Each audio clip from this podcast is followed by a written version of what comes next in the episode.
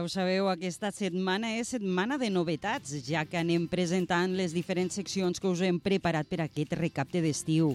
Avui dimarts és el torn de la cultura. Cada dimarts la deltebrenca Karen Belop ens portarà les millors propostes en cultura dels nostres municipis. Benvinguda, Karen. Bona tarda, Diana. Doncs tenim moltes ganes, moltes ganes d'encetar aquesta nova secció amb tu. Hem de recordar als nostres oients que tu et vam conèixer ara fa uns mesos amb la presentació del teu primer llibre, que si no vaig errada és el ciclo, el ciclo de los girasoles rebeldes. Correcte, així és. Ens vam conèixer fa, fa uns mesets. Serà així també rebelde la teua secció? Al principi eh, Intentaré ser més formal, però a mesura que m'aniré obrint, pues sí, rebel·le total. Doncs bé, ja avanço als nostres oients que el recapte s'havia d'acabar l'11 d'agost, però depèn l'increixendo que vagi la Karen, igual ja ho allarguem fins setembre. Ojalà. doncs a veure, com, te com mos proposes esta nova secció?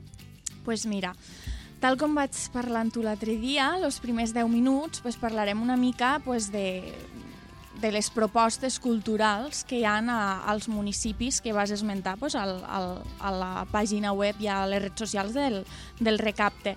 Però eh, te vaig proposar i em vas dir que sí, que podia fer-ho, els últims cinc minutets si podia parlar de, de cultura més global, més, més internacional i més general, que és algo que també pues, m'apassiona, no? I serà com pues, una mica un informatiu de, de, de les zones del voltant, de la cultura del delta, però també de, de cosetes que a mi me, me llamen l'atenció. Pues escolta, Karen, jo no sé els nostres oients, que segur que també, però jo no veig el moment d'encetar esta nova secció. Vols que comencem? Per favor.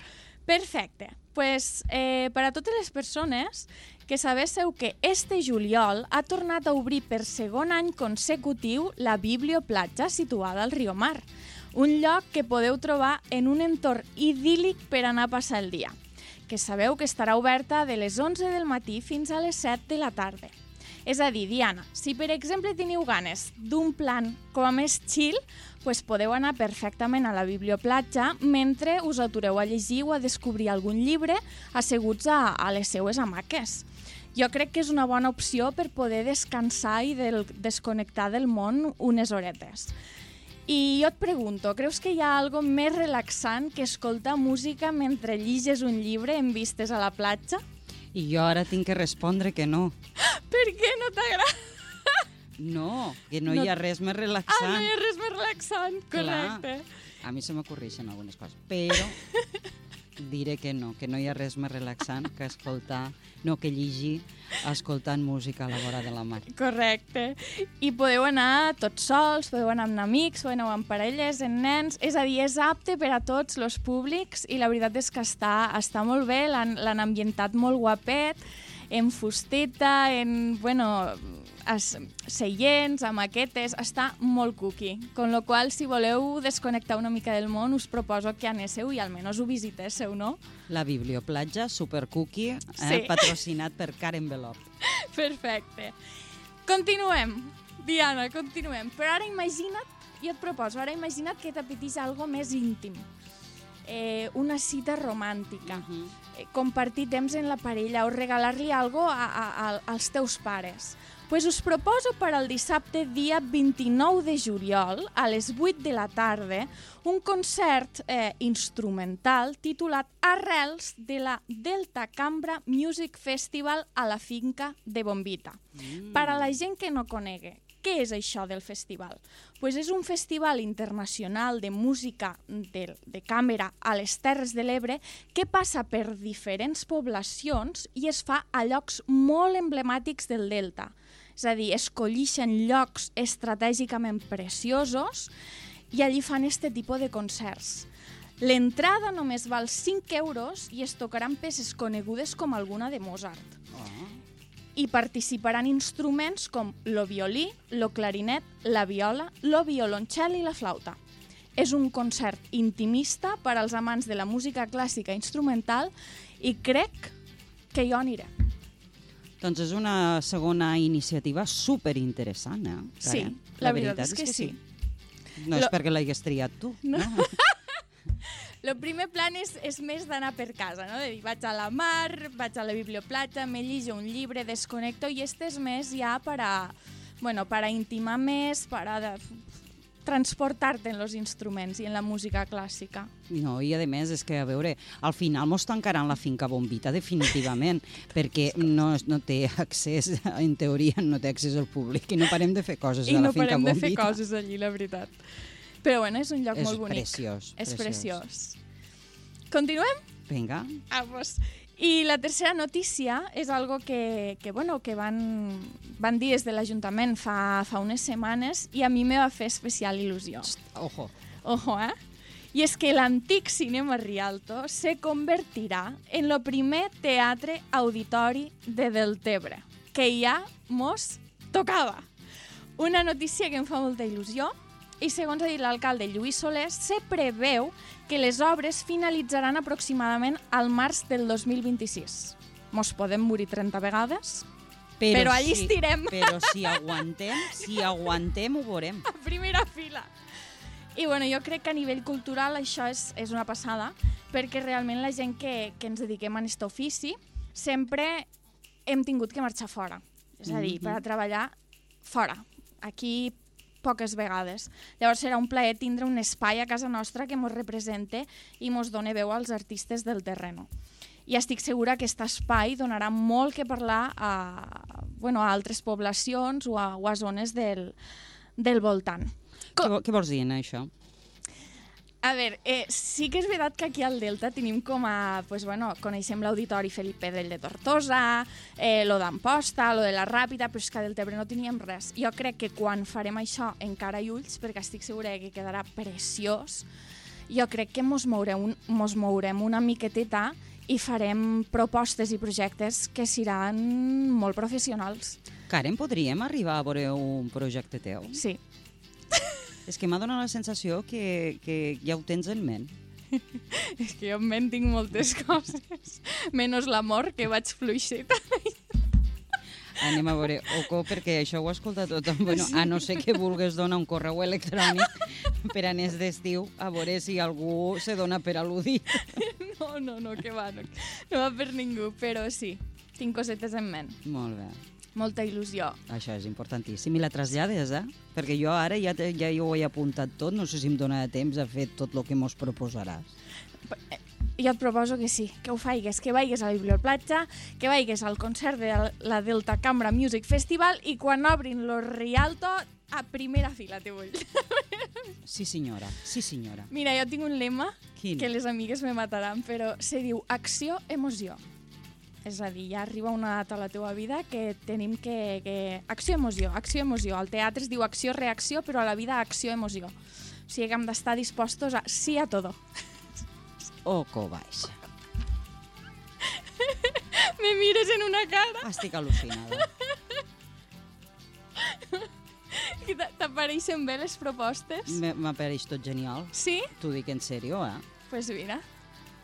Jo aniré i faré una foto de, de cada lloc on vagi. Molt bé, com l'enanito de Meli. per promocionar-ho tot.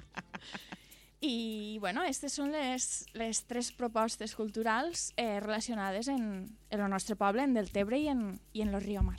I en lo Río Mar. Sí. Que fantàstic. Sí que és veritat que quan apuntàvem eh, a la presentació del recapte d'estiu les seccions i els, i els col·laboradors que, que les porteu, sí que hem de dir als nostres oients que, no, que avui ha sigut del Tebre, però que un altre dia s'irà a Camarles, un altre dia s'irà a Sant Jaume i un altre dia s'irà a l'Ampolla. Correcte. Tots. Tots, aquí caben tots. Aquí caben tots. I ara sí que no veig el moment de que entrigues en aquesta segona apartat de la teua secció on parles de tot allò que et provoca emocions fora de lo que és prò- pròpiament els quatre municipis. Vale. Intentaré ser ràpida.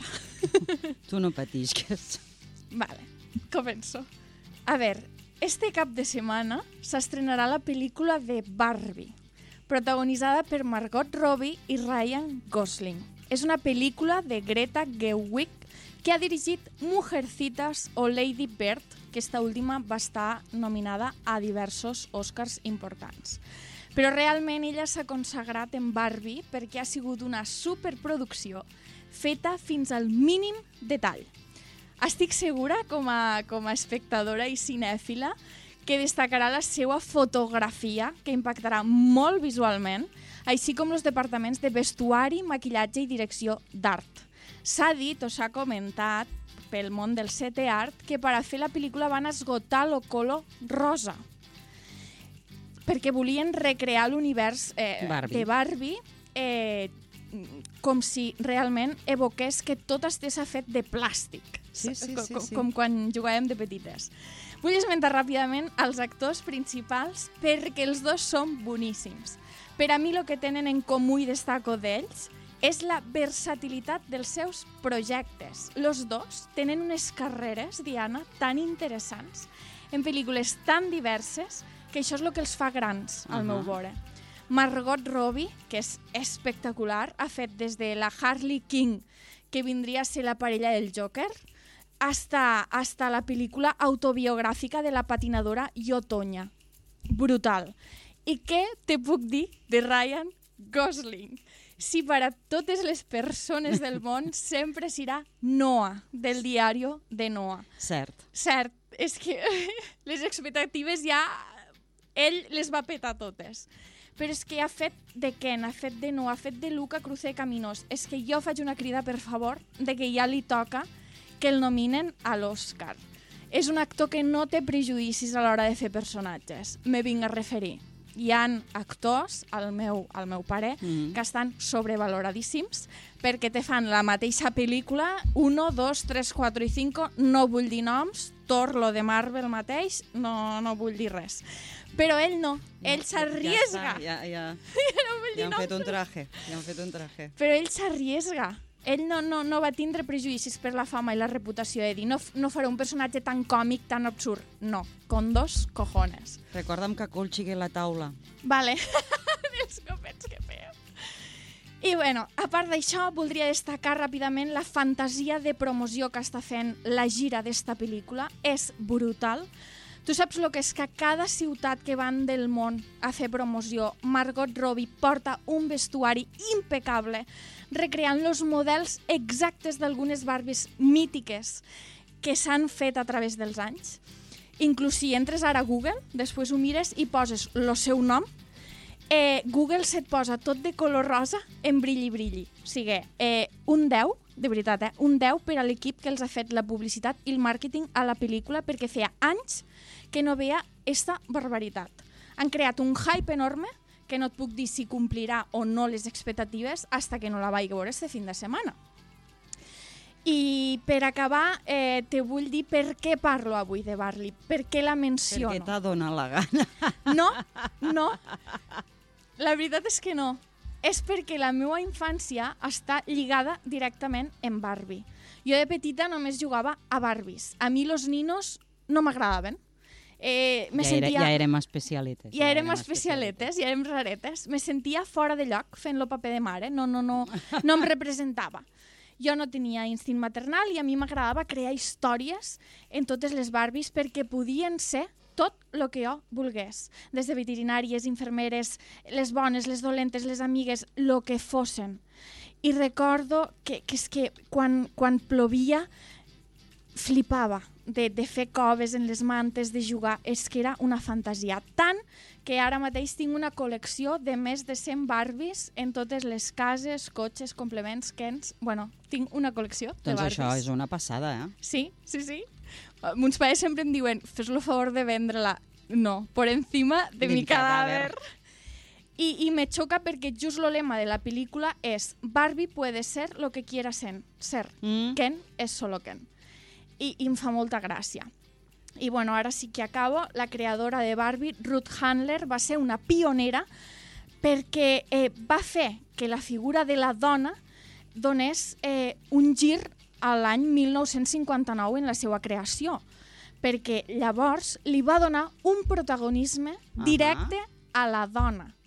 La dona ja no era un accessori, la dona ja no estava solapada pe, pels homes, i les xiquetes, va ser un boom per a les xiquetes perquè van poder somiar, van poder pensar que no només podien ser ames de casa o esposes, sinó que podien ser el que elles volguessin, dedicar-se a qualsevol ofici i ser les protagonistes de la seva vida. M'estic posant els nervis de l'emoció.